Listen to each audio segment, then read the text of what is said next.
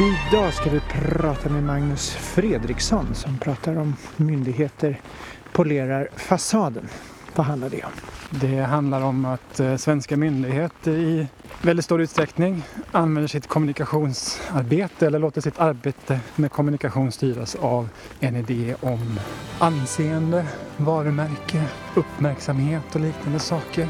Och att det i ganska många fall kanske handlar om att uppmärksamhet har i sig blivit något som man ser som ganska värdefullt. Även om det också förekommer naturligtvis situationer där uppmärksamheten kanske mer handlar om att användas som medel för att nå myndighetens övergripande verksamhetsmål. I kortet. Just det, vi går ju här på en snöig väg utanför Sigtuna så att det är lite andfått. Men du pratar om eh, eh myndigheter, de har ju förändrat sin roll. Du pratar om en förskjutning från någon uppdragslogik till någon medialogik. Vad betyder det? Alltså vad vi har kunnat se när vi kommer lite närmare den dagliga verksamheten i, i myndigheter så kan man se att idén om uppmärksamhet och den här bilden och anseendet gör att, bland annat gör att, att eh, medier blir ganska viktiga. Eh, och givetvis är det så att medier har en väldigt viktig roll i vårt samhälle. De ska granska myndigheter och de ska på olika sätt göra det möjligt för samhällsmedborgare och andra liksom att få kunskap om vad som händer i en myndighet, om myndigheten uppnår sina mål och så. Men givet att man också vill ha en särskild bild av sig själv så blir ju myndigheters arbete ganska inriktat då på att, eh, att det blir anpassat helt enkelt efter mediernas logik. Som handlar om polarisering, som handlar om kanske förenkling, som handlar om David mot Goliat och liknande. Och det här påverkar då delvis hur myndigheter bedriver sitt kommunikationsarbete. Påverkar hur man skriver om sig själv och ja, hur ett pressmeddelande ska se ut men kanske också hur en rapport ska se ut och vilka slutsatser som ska lyftas fram. Men det påverkar också om vilka kompetenser man rekryterar till en myndighet när det gäller kommunikationsarbetet. Det handlar om vilka resurser som olika enheter får där. Kommunikationsavdelningarna får en kanske något större del av kakan än vad andra stödfunktioner får.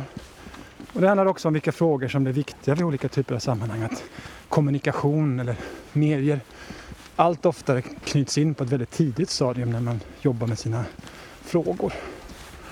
Men det är en logik så att säga, myndigheternas egen logik eller den som kanske styrs då av den roll eller det uppdrag man har, den är en annan logik många gånger som står i konflikt med mediernas logik. Och då har vi kunnat se att det i myndigheter väldigt ofta blir konflikter och där man i vissa fall kan se en väldigt tydlig anpassning till mediernas logik medan man i andra fall är väldigt angelägen om att försöka upprätthålla då den här myndighetslogiken eller byråkratin eller verksamhetslogiken och så vidare. Och hur, hur, påverkar det? På vilket sätt förändrar det myndighetens eh, verksamhetsutövning? Man målar upp en, en liten mörk bild av det hela.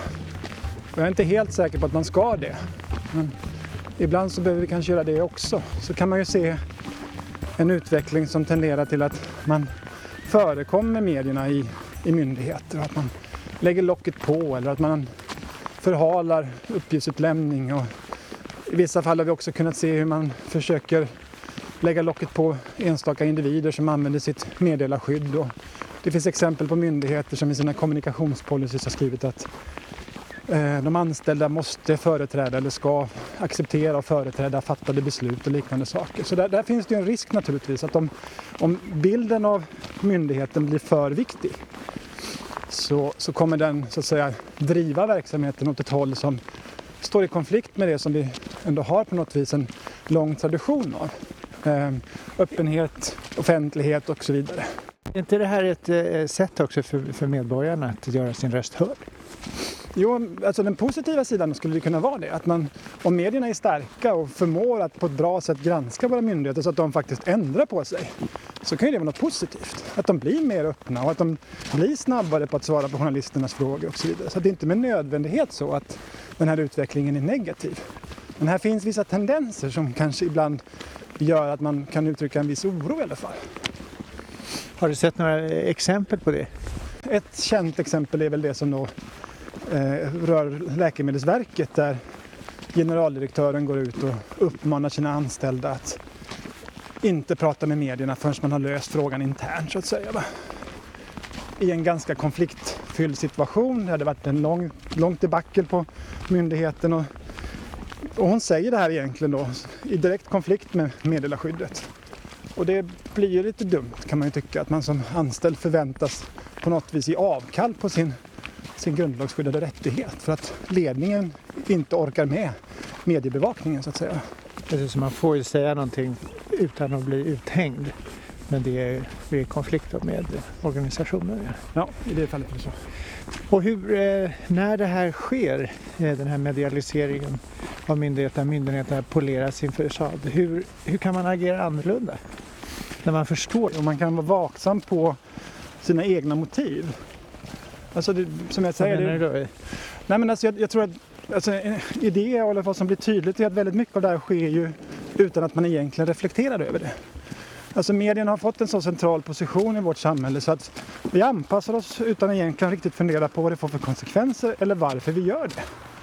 Och om då synlighet är det som driver den här anpassningen så är det lite problematiskt kan jag ju tycka.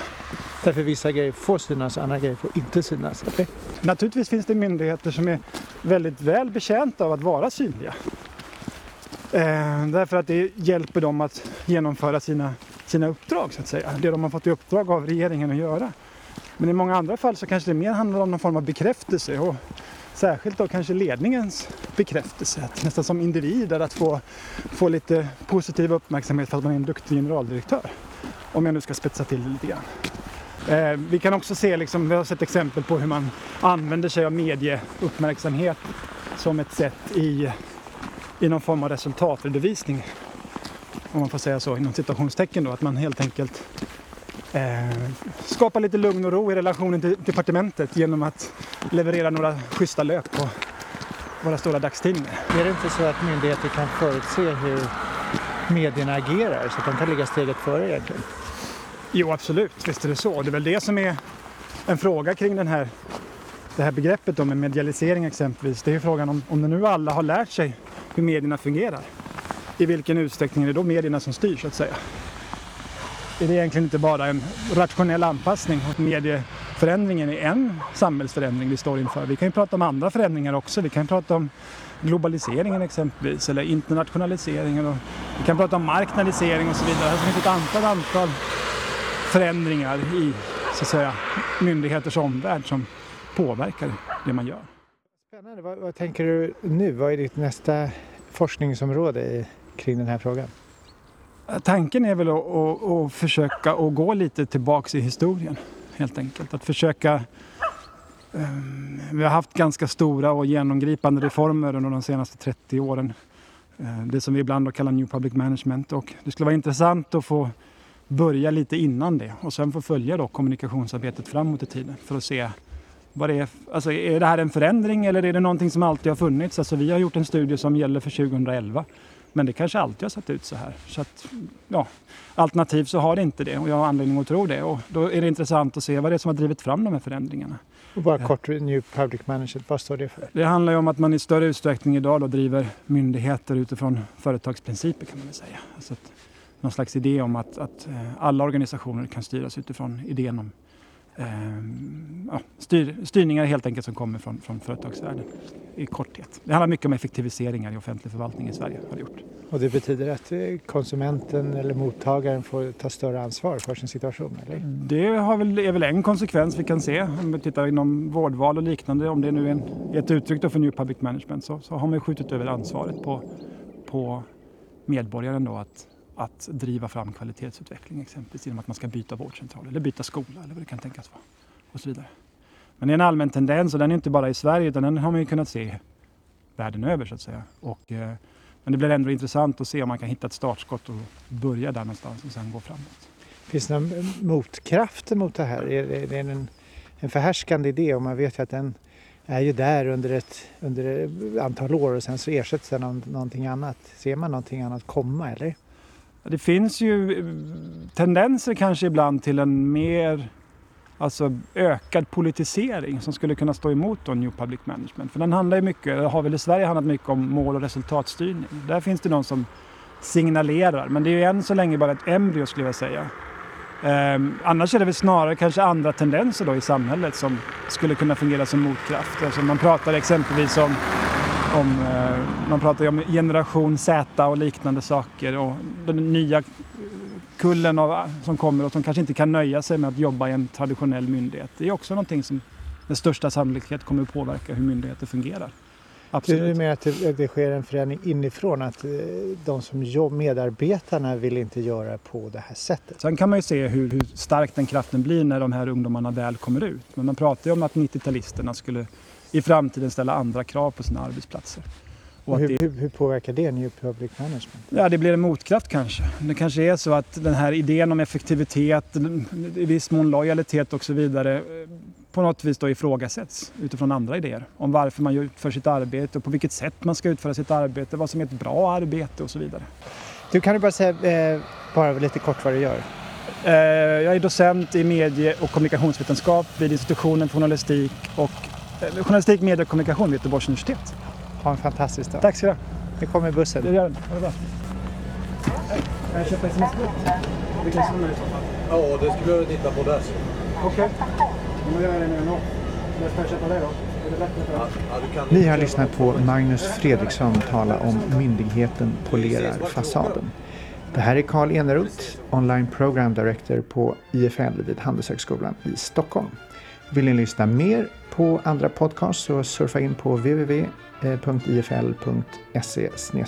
inspiration. Tack så mycket!